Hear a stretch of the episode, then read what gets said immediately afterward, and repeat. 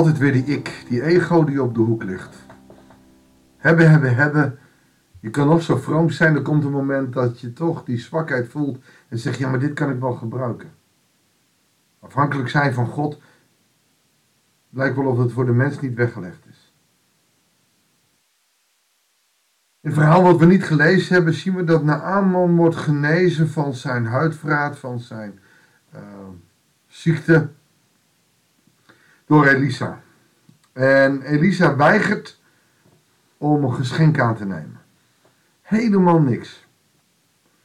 En het enige wat hij zegt, ga in vrede.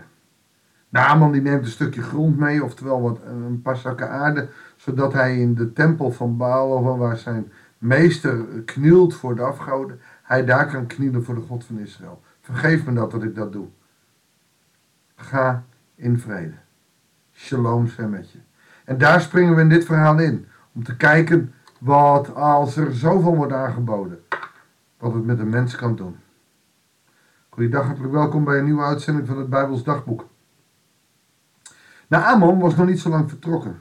Toen Elisa's knecht Gehazi bedacht, mijn meester heeft de Armezen Naaman voor het hoofd gestoten door het geschenk dat hij voor hem had meegebracht te weigeren. Nou, op zich is dat niet zo raar. In vele landen is het een belediging als je een cadeau niet aanneemt, als je niet het geschenk aanneemt wat een ander voor je heeft. Alleen in dit geval zegt Gehazi, uh, probeert het goed te praten en ze weet, ja, dat had dat niet mogen doen. Ik, ik ga het wel even halen. En je ziet dat er meteen een ander motief in het spel is. Zowaar de Heer leeft, zegt hij ook nog, ik ga hem zo snel mogelijk achterna om iets van hem aan te nemen. Gehazi ging uh, naar Aman achterna. En toen Naaman hem zag komen aanrennen, sprong hij van zijn wagen en snelde hem tegemoet. Is alles in orde? vroeg hij. Ja, antwoordde Gehazi, alleen mijn meester laat zeggen dat er juist twee jonge mannen uit het bergland van Ephraim zijn aangekomen. Leerlingen van de profetengemeenschap en hij verzoekt hun een talent zilver en twee stel kleren te geven. Hij gebruikt een smoes, een leugen, die twee talent zilver, wat heel erg veel is, want zilver was op dat moment het belangrijkste, het kostbaarste metaal. Goud was er niet, het werd meestal met zilver gedaan. Dus twee talent zilver was een heleboel. En een stel kleren. Dat kon hij altijd wel gebruiken. Het alle genoeg antwoorden na, maar neem toch twee talent. En er stond er op de gaas die het geschenk zou aannemen en maakte twee pakketten met elk een talent zilver en een stel kleren. En gaf die aan twee aan zijn knechten om die voor Gehazi te dragen. Hij geeft niet alleen de spullen, hij laat het ook nog bezorgen. En toen ze bij de stadswal aankwamen, nam Gehazi de pakketten van hen over en stuurde hen weg terug naar de Maas. Geschenken verborg hij in huis. Meteen zie je hem stiekem doen. Hij mag niet gezien worden met de knechten, en hij verstopt het spul. Gewoon, want het kan later uitkomen. Toen hij zich weer bij zijn meester meldde, vroeg Elisa, waar ben je geweest? Gehazi. Ik? Oh, nergens. En de leugen gaat door. En in dat spreekwoord wat er is, al is de leugen nog zo snel, de waarheid achterhaalt, er wel geldt hier des te meer. Ik? Nergens, antwoord Gehazi. Toen zei Elisa, Dacht je dat het me ontgaan was? Dat er zeker iemand van zijn wagen is gesprongen, jou tegemoet is gesneld. Juist de tijd voor het aannemen van zilveren en kleren, van olijfgaarden en wijngaarden, van schapen en koeien en van slaven en slavinnen. De tijd waarin dit gebeurt is een tijd dat het slecht gaat met Israël. En dan zeg je, je moet het niet aan willen nemen.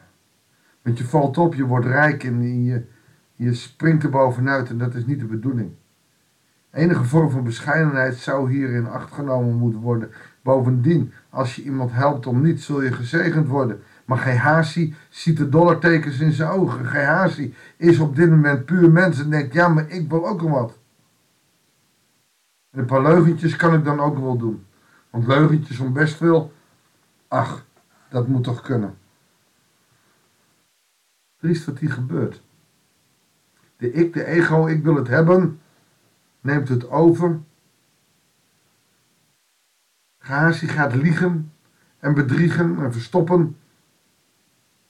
Terwijl Elisa het in een visioen al lang gezien heeft. Ongelooflijk hoe menselijk Gehazi hier is. En misschien herken je jezelf wel. Dat je met een leugentje om best wil zeggen, ah, het moet, ah, moet kunnen. Het moet helemaal niet kunnen. Elisa is teleurgesteld. In deze tijd, juist in deze tijd dat Israël het moeilijk heeft, moet je dit niet doen. En Gehazi krijgt de straf. Mogen de huidziekten van Naaman voor eeuwig op jou en je nakomelingen overgaan. Gehazi verliet zijn meester. Zijn huid, schilverig en wit als sneeuw. Wat een straf. Wat een straf om die ego die hij heet, om, om de hebberigheid. Wat een straf. Hij heeft God niet beledigd op een directe manier. Maar hij durft ook niet afhankelijk te zijn.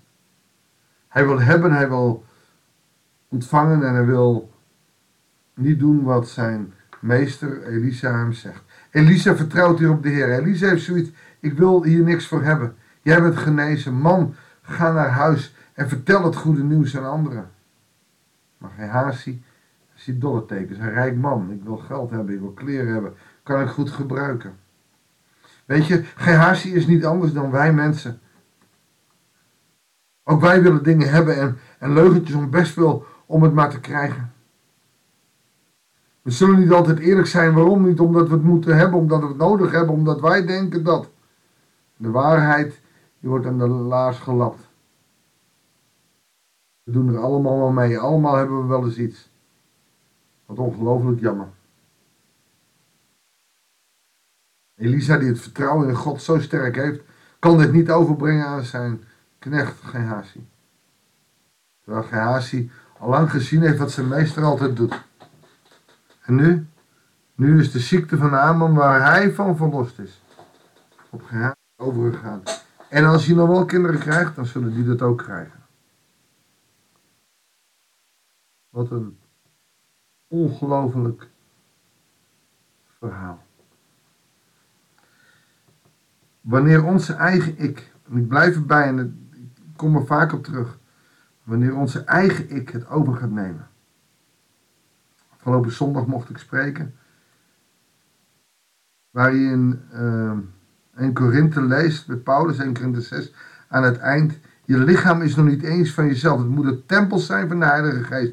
Maar het is niet van jezelf, want Christus heeft het gekocht. Wij hebben niks te zeggen over ons lichaam, over onze huis, over onze auto. Het is niet van ons. Het is van de Heere God. Hij heeft het gekocht met zijn leven. En dat is meer dan alleen maar zonde vergeven. Hij heeft ons vrijgekocht van de dood. Zo intens. En wat doen wij? We hebben een leugentje om best wel. Wil je samen met mij verootmoedigen? Vader in de hemel, dat leugentje om best wil of dat het moet kunnen moment, houdt ons bij u weg. Wilt u ons vergeven als we dit soort momenten hebben, te vaak hebben, dat we erop vertrouwen. Dat de leugen bij ons is gaan horen om dingen maar goed te praten. Heer, wil u ons door de kracht van uw geest eerlijke, oprechte mensen laten zijn. Die niet liegen en bedriegen. Die u niet beledigen. Niet omdat we bang zijn voor de malaatsheid. Ik moet er niet aan denken, God. Maar juist omdat we daar u niet mee eren. Leer ons door alles wat we doen. Door onze daden. Door, door alles wat we tegenkomen. U de lof toe te zingen. Heer, we loven en prijzen uw grote naam. Van nu aan tot in eeuwigheid. Amen. Dankjewel voor het luisteren. Ik wens je God zegen en heel graag tot de volgende uitzending van het Bijbels Dagboek.